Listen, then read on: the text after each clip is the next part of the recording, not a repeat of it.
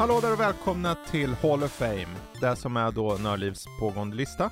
Där vi listar de mest betydelsefulla spelen genom tiderna.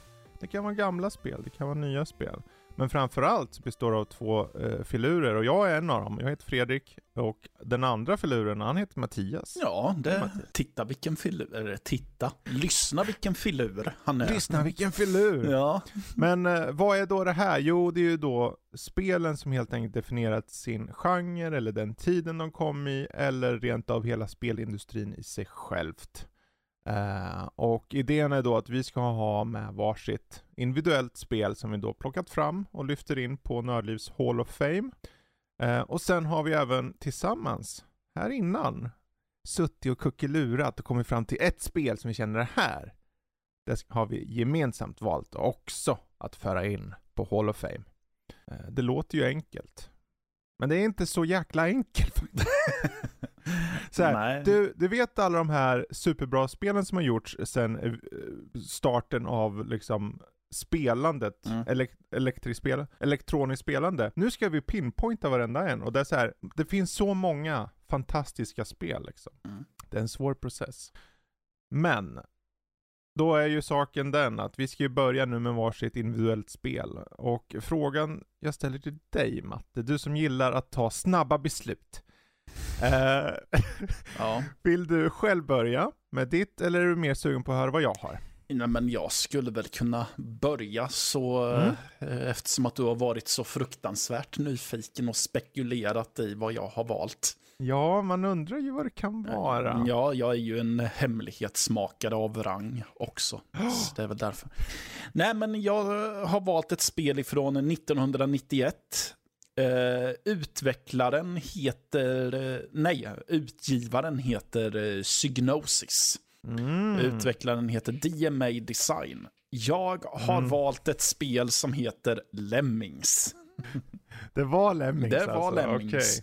Okay. jag hade ju som sagt en Amiga-dator när jag var liten. Som jag och min bror fick ärva av en vän till mamma och pappa. Och mm. Lemmings mm. var ett av de spelen som fanns i hans samling och var också ett av de som vi spelade mest. Och ett av de som faktiskt jag spelade mest. Mm. Um, nej men, så här, jag... Jag gillar ju äventyrsgenren vanligtvis. Uh, och det är ju känt för att det är väldigt mycket pussel. Och mm. Lemmings är ju väldigt mycket ett eh, pusselspel, men det är också väldigt mycket av ett strategispel. Mm. Eh, för, ja, för er som inte vet vad det är så är det eh, så här, man har en bana och så droppar det ner några filurer ifrån luften och så ska man försöka få dem att ta sig från punkt A till punkt B i stort sett. Mm. Och det, de behöver ta sig över eldhav och uh, allt vad det heter. Så man måste få dem till att bygga broar och uh, allt vad det heter. Mm. Få dem att använda sina paraplyer som fallskärmar så att de inte ramlar ner Precis. och dör och så.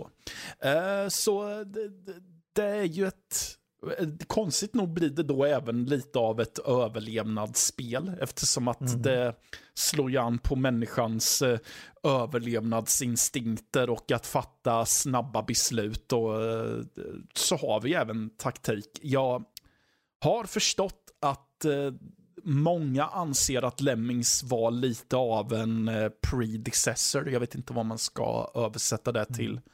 när det kommer till svenska för realtidsstrategi. Mm.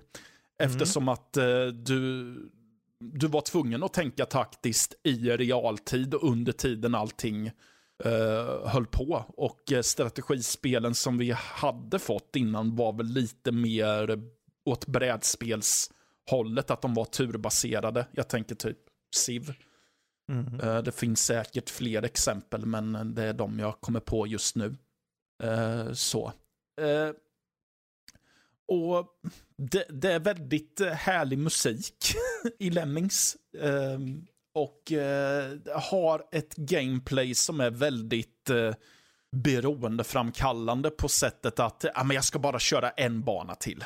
Uh, eller om det har gått åt fanders så, ja, men jag startar upp och testar igen. Den här gången går det säkert bättre. Mm. För att man hela tiden, man kom alltid till de banorna då man tänkte, men hur ska jag bära mig åt på den här platsen? Ja, men jag testar att göra så här istället. Mm. Sen eh, visst, det finns ju lite stress i det hela, för ibland har man väldigt kort tid på sig att fatta besluten. Men eh, det är också det som är lite av charmen. Ja, verkligen. Ja. För jag menar, när de droppar ut ur det där fönstret ur himlen och Mm. börjar gå bara direkt, Japp. då går de ju åt ett håll. Ja. Och det kan vara, ja men här är ett stup rakt ner i lavan. Du Mm. behöver fixa nu. Ja. Att någon stannar upp och håller upp händerna och får andra att vända håll till exempel. Eller Mm. du bygger en bro direkt. Men grejen är om du börjar bygga en bro så kommer de andra gå över bron och bara ramla ner. Ja. Så du måste ha en till som stoppar. Ja.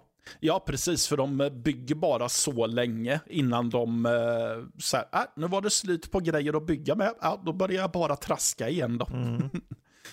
Precis. Mm. Och det finns, ju en, det finns ju lager på strategi för att när du startar en nivå så har ju de lemmings du får till dig Mm. en viss mängd olika förmågor. Det kan vara att Ja. du kan använda x antal gånger den här förmågan Mm. och, det, och så vidare och så vidare. Och då måste du tänka ut, okej. När ska jag placera den här? När funkar den här? Okej, hur når jag den här platsen? För det, Mm. egentligen har du ju bara banan, okej jag ser startpunkt och jag ser målet som oftast är en dörr om jag minns rätt. Ja, precis. Och eh, du ska bara, det är dit du ska. Hur du tar dig dit upp till dig. Och du kan göra det på olika sätt egentligen. Mm. Ehm, även om level designen på just kampanjen om man så säger, är liksom varje bana är uttänkt från uh, utvecklarna. Sen Ja. finns det några lek. Jag har för mig det fanns sandbox-läge om jag Ja, jo, rätt. men det, det finns har jag för mig om också. Ja. Mm. Men det är så här, det var ett befriande spel. Jag kommer ihåg Mm. precis som du just hur det slog ner lite som en bomb där. Eh, alla körde ju det här. Mm. Det var en sån här, det här var en titel som på Amigan, det fanns ett par titlar som började på Amigan och sen eh, ut till andra plattformar. Ja. Medan den här, jag vet inte om det är så, men jag vet att första spelet Lemmings var primärt på Amiga först ett bra tag och Mm. sen bara exploderade på allt. Precis. Och det är så här, ett bra spel ett bra spel ett bra spel. Det Mm. letar sig ut. Ja, precis. Och det är också så här att när de gjorde uppföljare så var det ju oftast um, i och med släppet av en ny em, plattform med. Så Mm. att släppa uppföljare för dem var ju mer eller mindre bara att göra spelet tillgängligt Mm. igen. Så visst, de gjorde ju fler banor och så, men det var ju i grund och botten alltid samma spel. Och det Mm. läste jag ju om, att har du spelat ett så har du i stort sett spelat alla, så det är bara att liksom välja ett och köra. Mm. Mm. Precis. Mm. Och eh, det fanns ju lite schyssta likheter med ex exempel, exempelvis Worms Ja. i det att Mm. nivåerna, den här sid... eh, Vad ska man kalla det? Man ser från sidan Mm. eh, i profil liksom och du ser världen och du Ja. kan ha lite schysst eh, omgivning Ja. och så. Ja, men dess eh, UI och liknande påminner ju också väldigt mycket om hur Worms till en början såg ut också. Så det, Mm. det, det skulle inte förvåna mig att de är sprungna ur nästan samma idé, bara det att den ene var, ville ha det lite mer taktiskt och den andra kände Mm. att Nej, men nu ska vi göra något som är riktigt destruktivt här. Mm. För um, kartorna också påminner ju väldigt mycket om Worms till en början med. Så. Det finns en kul detalj här som faktiskt är så pass intressant Mm. för mig att den går inte ha på PC idag. Trots att den borde gå. mhm. Och det är att i det här spelet fanns det två spelarläge. Ja. På Amigan, om du pluggade in två möss samtidigt så kunde en person styra andra musen och en person den första musen. Mm.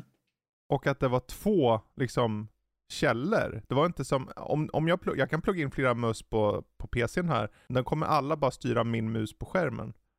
Men här vart det då automatiskt att det blev player one, player two. Mm.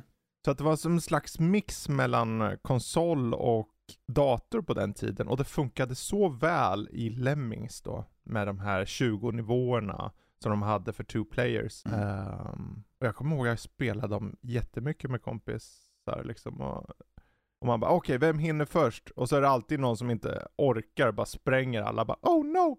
Ja, precis. Börjar sprängas. Ja, för det kunde man göra. Man kunde ju spränga dem också. Ja, så är det nedräkningen de Ja. sätter sig ner och hukar och sen exploderar. Jajamän. Stack, Ja. Stackarna. Stackarna. Mm.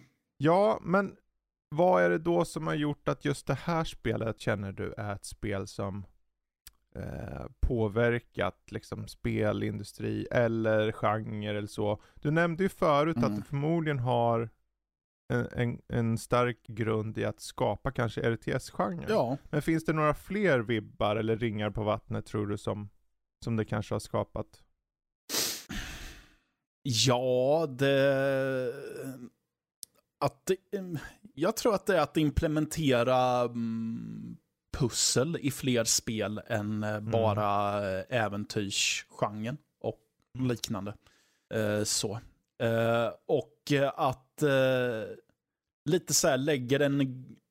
Att det liksom var en stöttepelare för så många spel. Mm. Så vi, vi har ju då generellt sett då med att man har pussel i fler spel än bara äventyr och sen har vi ju strategispel som kon, konstaterar att hmm, man kan man kan alltså implementera taktik under tiden allting händer Mm. också.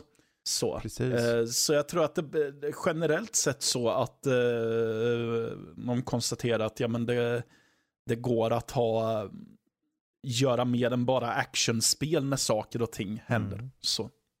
Verkligen. Mm. Ja, men kul spel att föra in på vår eh, Hall of Fame. Mm. Ehm, en kul liten trivia egentligen är att utvecklaren, en av utvecklarkillarna där, det finns ju ett ritprogram, eller fanns ett ritprogram Mm. på, på Amigan som heter PaintShop Pro, nej inte PaintShop Pro, det hette Deluxe Paint tror jag det hette. Mm. Eh, och det hela startade med att han satt och lekte med en animation i det. Och den animationen var tillräckligt bra så att vi gör ett spel av det. Mm. Och så gjorde hon Lemmings. Ja. Och så vart det en av de största succéerna eh, under tidigt 90-tal. Så att eh, där ser man vad som händer om du sitter och leker i ett ritprogram kompisar där ute. Exakt. Mm. Bra, men då så. Eh, är det min tur nu? Ja. Då är ju frågan, för jag satt faktiskt och våndades lite, för jag har två spel jag måste ju såklart välja ett av de här två spelen. Och Mm. eh, jag tror faktiskt att jag tar det nyare alternativet, för jag har ett från eh, 87 och ett från eh, 2004. Oj. Det får bli det här från 2004. Eh, spelet i fråga är ett arkadaktigt racingspel. Eh, men, och det är dessutom inte det första i serien. Varför tar jag då det, i det här fallet tredje spelet i serien? Ja. Det är för att det på många sätt cementerade en genre som egentligen inte finns idag på samma sätt. Du åker med en bil och du ska spränga så mycket jävla skit som möjligt. Spelet heter Burnout 3 Ja. Takedown. Criterion Games, publicerat av EA. Ehm, och det är så här, du ska alltså då köra extremt vanskligt eller farligt på eh, banor. Eh, du kan mer eller mindre förstöra dina bilar, andras bilar. Och du ska känna boost och åka snabbare, alltså typ, eh, vad heter det, turbo liksom. Mm. Ehm, och det fanns ett, ett par olika spellägen som, som jag kommer ihåg med, med värme. Framförallt det som jag alludade till lite förut. Ett spelläge är att du ska köra din bil och sen så får du den att sprängas och sen i den explosionen, efter du har exploderat, så ska du bara förstöra så mycket som möjligt med hjälp av din bil och tjäna eh, så mycket pengar som möjligt för allting kostar skadestånd typ. Det är så här mycket förstörelse, hur mycket pengar det kostar. Mm. Eh, och jag vet inte, det var någonting med just det här upplägget som jag kände, okej det var med trean som det på något sätt blev så tydligt att nu har de hittat sin groove. Nu har de hittat sitt upplägg. Och, och det var ett spel som överskred sin plattform, för jag tror jag körde på Xbox. Och ärligt talat så tror jag nog att om det var något spel som fick många människor att faktiskt kolla på Xbox, ja det fanns Halo och alla de här. Ja. Men så var det framförallt det här. Eh, förvisso, det fanns på PS2 också. Ja. Men just att många liksom upptäckte det på Xbox och fick det liksom att okej, det här tror jag är varför jag ska köpa en Xbox. Det var många. ja, det kan jag tänka mig att det var. Mm. Jag har inte kört det själv, tror jag inte. Mm. Eh, men eh, det ser väldigt kul ut. Och det är väl tråkigt att det inte finns fler spel av den här typen längre, som du var inne på Nej. förut. Mm. Jag menar, du, man, man får en sån här boost meter av att liksom ta ut motståndare eller få folk att krascha. Mm. Och, och spelet i sig är ju väldigt uppenbarligen extremt arkadfokuserat. Det är ju inte som att du sitter, ja ah, men nu är den här fysiken minsann inte riktigt, nej. Det, är liksom, det, det var fortfarande ganska skön styrning, men det gick ju utav helvete för när du körde så kunde du ligga i 200-300 km i timmen liksom med bilar och bara fladdra förbi saker och ting. Och när du väl träffar, om du träffar en vägg liksom, det är ju bokstavligen slarvsylta kvar av dig. Mm. Och eh, sen att spelet eh, bjöd på så mycket utöver singelspelet, liksom det var single races, road rage är ju där när du springer, åker runt och jagar andra. Ehm, och eh, runt 170 event av olika slag på olika, 10 locations. Det var så mycket, de hade hittat sin, liksom okej det här var vart spelserien ska ligga. Mm. Sen att det fanns split screen multiplayer, att det fanns online multiplayer, det adderade till kakan. Men jag tror att mycket var den här förstör, förstörelsebara eh, fysiken i bilarna parat med just ren arkadkänsla som gjorde att folk drogs till det. Och som sen också då, för då kan man ju ställa sig frågan om den, om den här ska in på Hall of Fame, då ska det väl vara ett spel som har påverkat som vi känner av fortfarande idag. Och jag tror att, som jag sa förut, att vi inte ser sådana här spel längre. Mm. Det är ju tråkigt, men samtidigt sitter vi fortfarande och vill ha ett sånt här. Och det är arvet av det, att, att folk fortfarande suktar efter ett nytt eh, burnout. Ja. Eh, innebär för mig att okej, det finns något som håller sig kvar. Det Mm. finns ett sug kvar där ute. Ja, serien finns inte kvar överhuvudtaget, eller? Nej. nej. Okej. Den senaste som släpptes var ju Burnout Paradise och det var 2012. Mm. Eh, sen släpptes det förvisso en remaster på det spelet, bara för något år sedan nu. Mm. Ehm, jag tror det var runt 2018. Men även det är ju ett par år sedan. Och innan 2018s remaster så var det ju, jag tror det var 2011 som det släpptes ett eh, mobilspel i serien. Men annars var det Burnout Paradise som var 2008. Så att jag menar, om nu EA har kränkt ut uh, Need for Speed-spel typ varje år känns det som. Mm. Va, va, varför stannar ni upp med Burnout? Och vet ni vad är ett av svaren? Criterion Games gjorde ju Need for Speed Mm. efter, eh, efter ett tag. Så att de, jag tror EA satte dem på, nu får ni göra, i, eh, nu får ni göra Need for Speed istället. Uh, Meh. vilket är synd. Men, um, Ja. ja ja, det var det. Ja. Men, men det är i alla fall det spelet jag vill föra in. Burnout 3 Takedown. eh, en av de eh, highest rated racing video games of all time enligt väldigt många. Ehm, och jag vet att den har förts in på väldigt många listor eh, i allmänhet sådär. Så att nu kommer den in på vår Hall of Fame också. Och där hör den hemma, tycker jag. Ja, Mm. verkligen. Men, då är det ju så här, nu har ju vi suttit på förhand och snackat och kommit fram och klurat och tänkt. Och vad är då det spel som vi gemensamt väljer att föra in? Ja. Kan du ge en beskrivning av eh, vad är det för något spel? Precis som Burnout 3 så har vi valt eh, tredje spelet i en serie.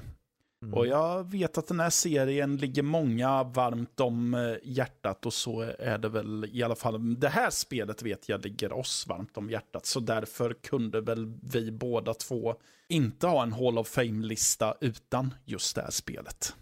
Mm. Och det är The Witcher 3, The Wild Hunt. Mm. Mm. Och eh, för mig, eh, varför eh, jag ville få in det här spelet innan något av de andra två, är av den väldigt enkla anledningen att jag har inte spelat ettan eller tvåan.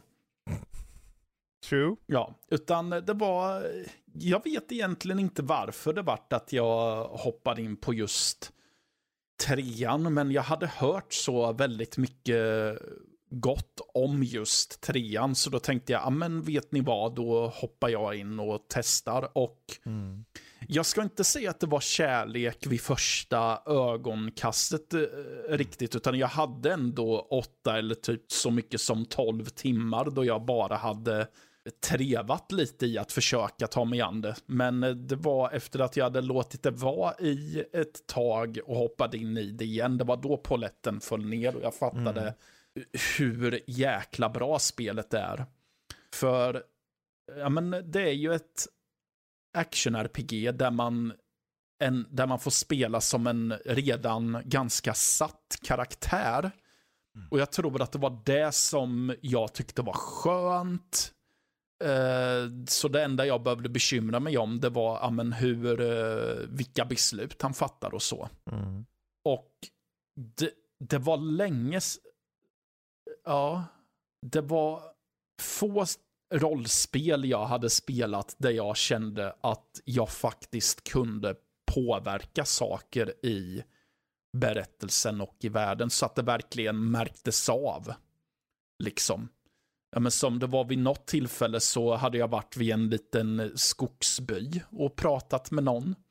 Och sen eh, under ett quest så fick jag välja att eh, antingen förinta en ande eller få den att överföras till en häst.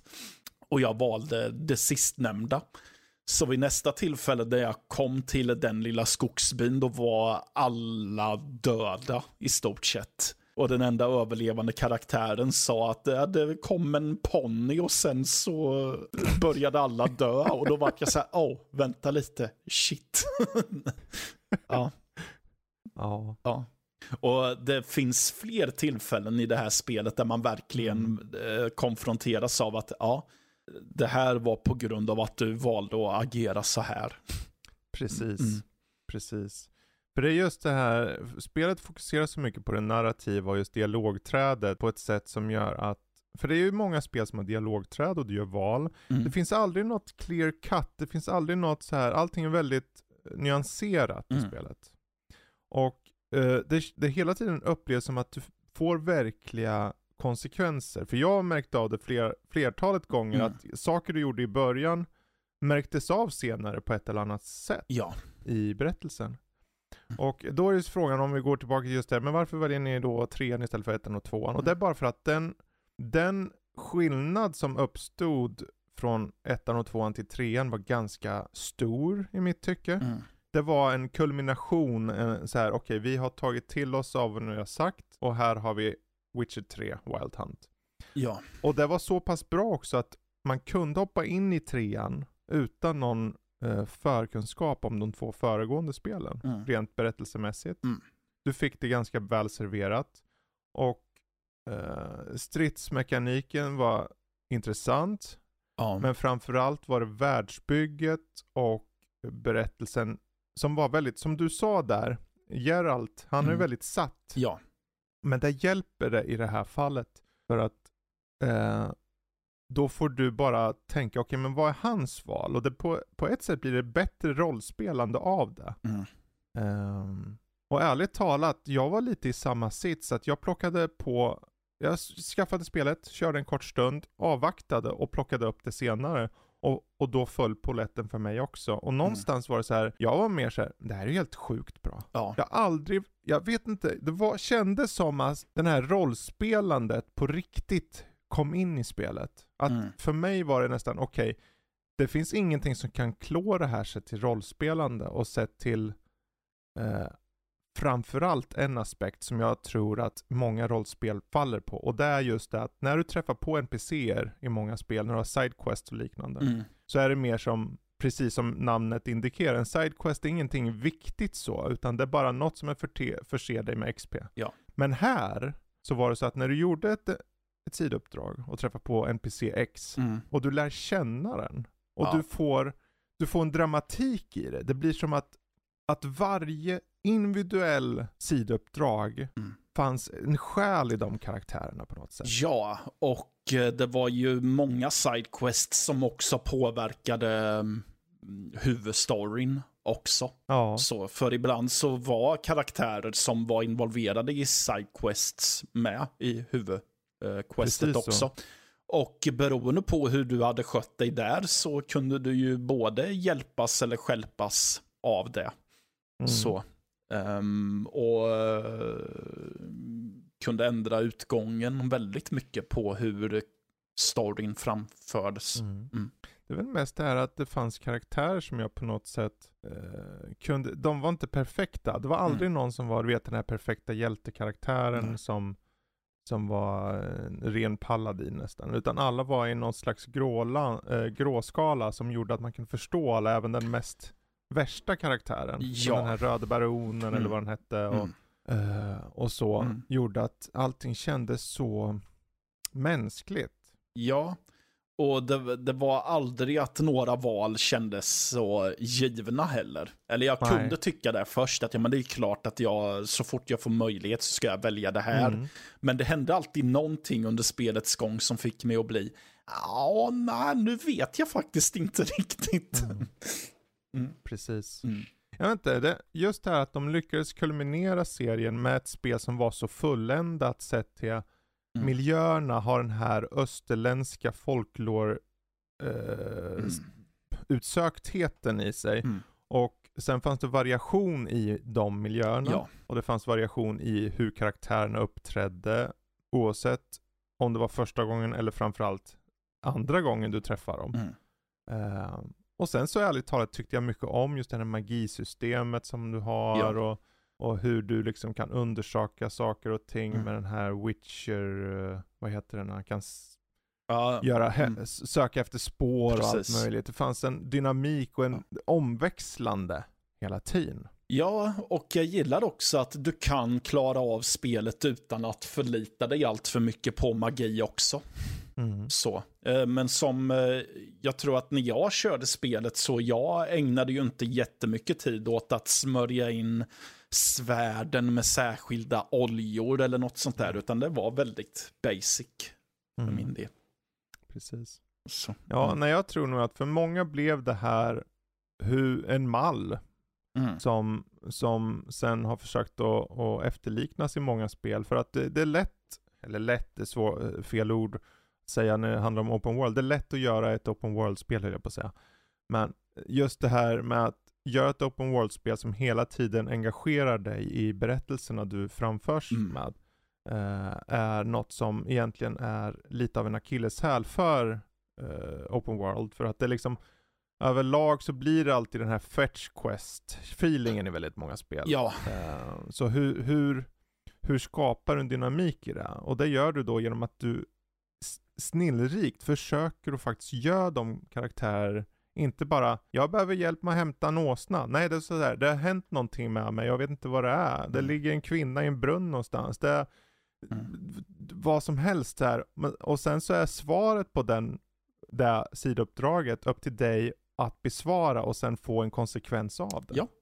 Så att, jag vet inte, för mig är det Precis, så här, det sköt upp till min topplista över Ja. bästa spel all time. ja, exakt. Och det är aldrig att du får svart på vitt så, här, så att det är uppenbart vad som är rätt beslut, utan det är väldigt Precis. allting läggs fram väldigt subtilt så det, det är upp till dig hur uppmärksam du har varit på de ledtrådarna du har fått och så.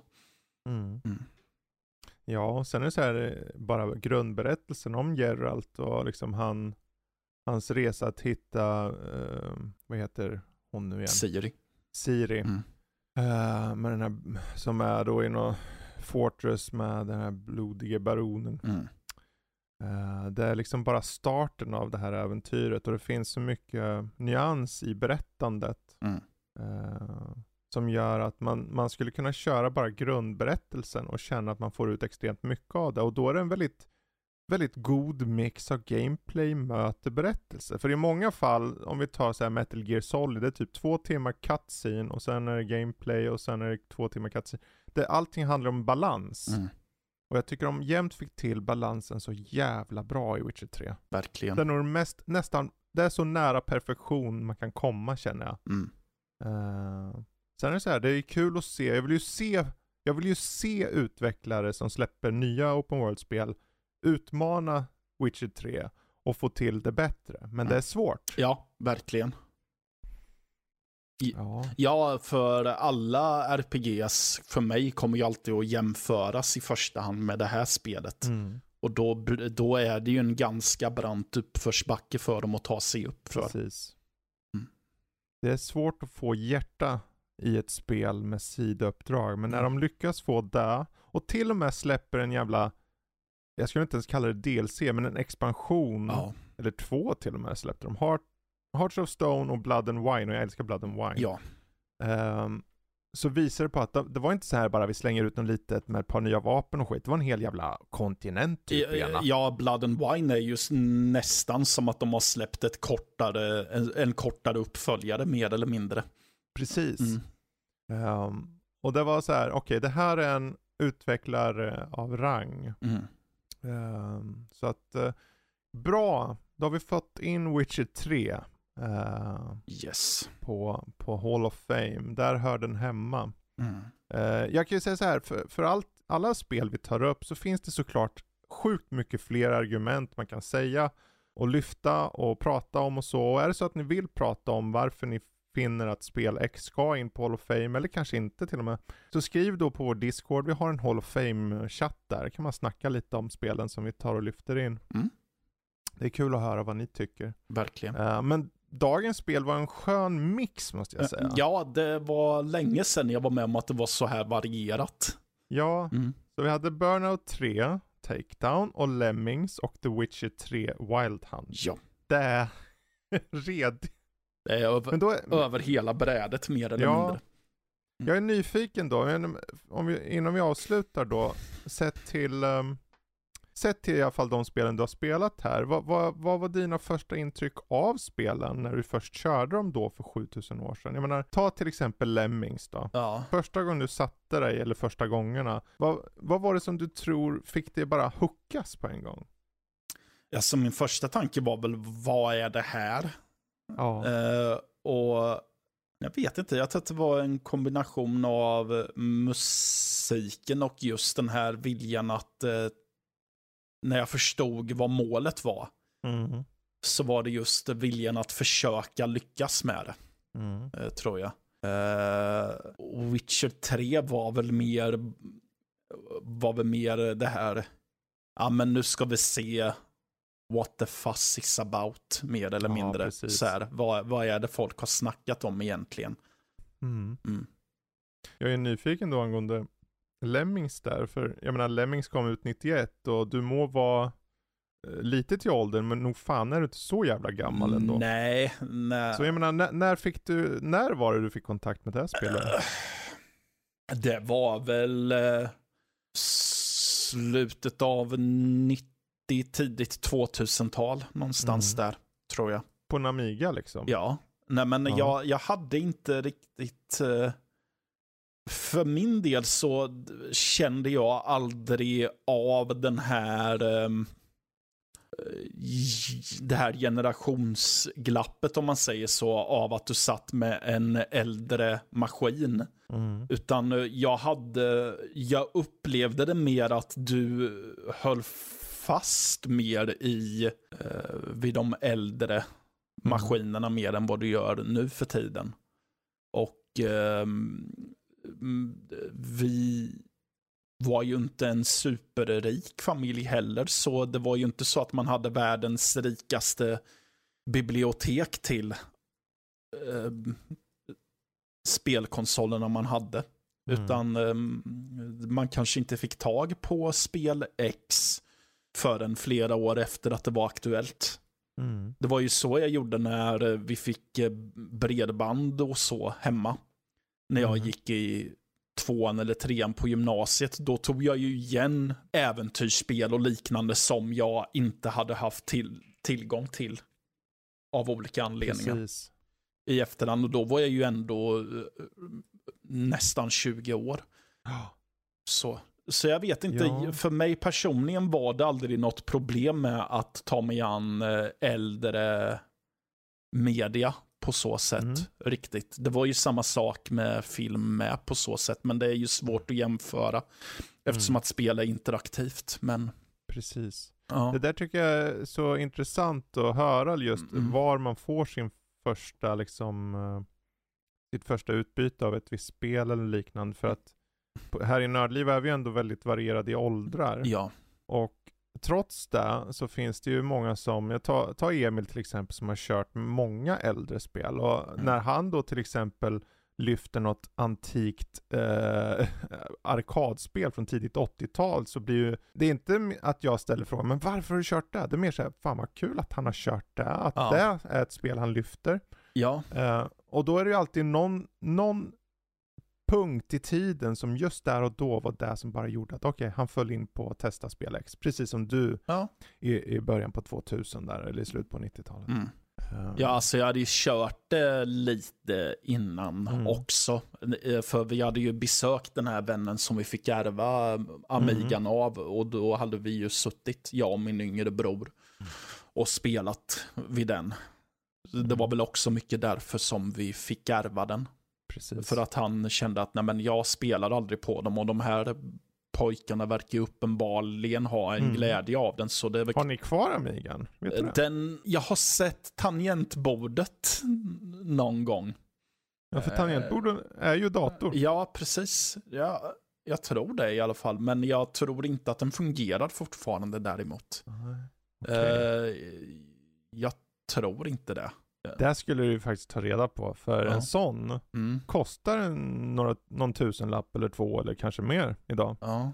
Eh, och eh, jag vet ju, det finns ju hela forum för det där som bara, ja, vill ha en, det här och det här och det här. ja, nej, jag, jag är tveksam till om den finns kvar, om Mm. jag ska vara helt ärlig. Jag vet att jag såg den ett tag. Eh, långt efter att det var aktuellt. Men jag funderar på om det kanske var någonting Mm. som hade gått sönder i den eller något sånt. Så den funkade inte längre. eh, Nej, okej. Tror jag. Ja, Mm. det är kul i alla fall att veta just det här med eh, när man träffar på vissa spel och så. För för min del vad gäller just, ta Burnout 3 då som vi pratade om förut. Så att jag, jag ägde aldrig en egen Xbox. Men brorsan hade en Xbox som han hade chippat, Mhm. original Xbox. Mm. Som jag bara lånade då på obestämd tid. Och, och sen så, eh, på den tiden var man lite elak så, så jag brände ju hur mycket spel som helst. Ehm, Ja. Vi hade ju en eh, Playstation 1 som var chippad. Ja. Och vi hade ju en ganska stor samling spel, men det var ju väldigt få spel i den samlingen som var köpt på ett ärligt ja. sätt, utan det var väldigt mycket... ja. Precis. Men det var vad jag skulle komma till i alla fall jag hade väldigt mycket brända skivor, men ett jag hade original på var, eller flera faktiskt, var ett par stycken ur Burnout-serien. Eh, och just eh, uppskattningen över hur, hur några kan göra ett spel som är så lätt att ta till sig. För jag menar, vem vill inte bara spränga skit? ja, exakt. Med en bil dessutom och du ska liksom, okej nu har min bil sprängts och sen ska Mm. du långsamt styra den, du vet i slow motion i explosionen där och träffa andra bilar och så få ut och så träffar en tredje bil och den och det blir så här seriekrockar och grejer. Då tjänar du Mm. ännu mer pengar. Det, just de aspekterna slogs jag av, jaha, så Xboxen kan alltså ha bra grejer. För jag fastnade aldrig på Halo eller någonting. Nej. Utan det var egentligen Takedown och vad heter det? Eh, Gotham Racing någonting, vad det hette. Mm. Ehm, bland annat. Eh, och för mig var ju väldigt länge konsolspel, det var synonymt med om det är ju bilspel. Det är där man kör på dem. Ja. Så att eh, det var väl egentligen min ingång till just specifikt Burnout 3 då. ja, just det. Ehm, Men eh, kul. Jag tänker det är alltid kul att höra lite med just vad intrycken var på tiden man testade. För det är lätt så här i efterhand att man har kört ett spel, man kommer ihåg, man förstår rent intellektuellt vad det gör och hur det gör och så.